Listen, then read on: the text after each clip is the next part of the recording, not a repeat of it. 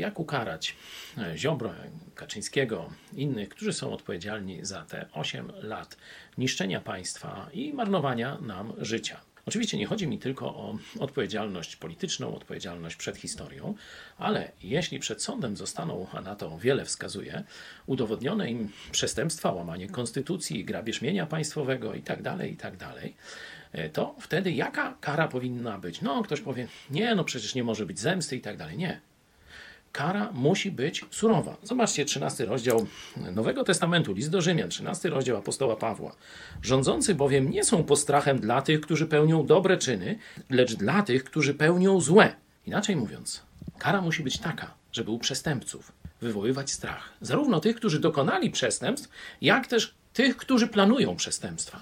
To jest bardzo ważny, taki można powiedzieć społeczny, edukacyjny wymiar sprawiedliwej, surowej kary dla przestępców.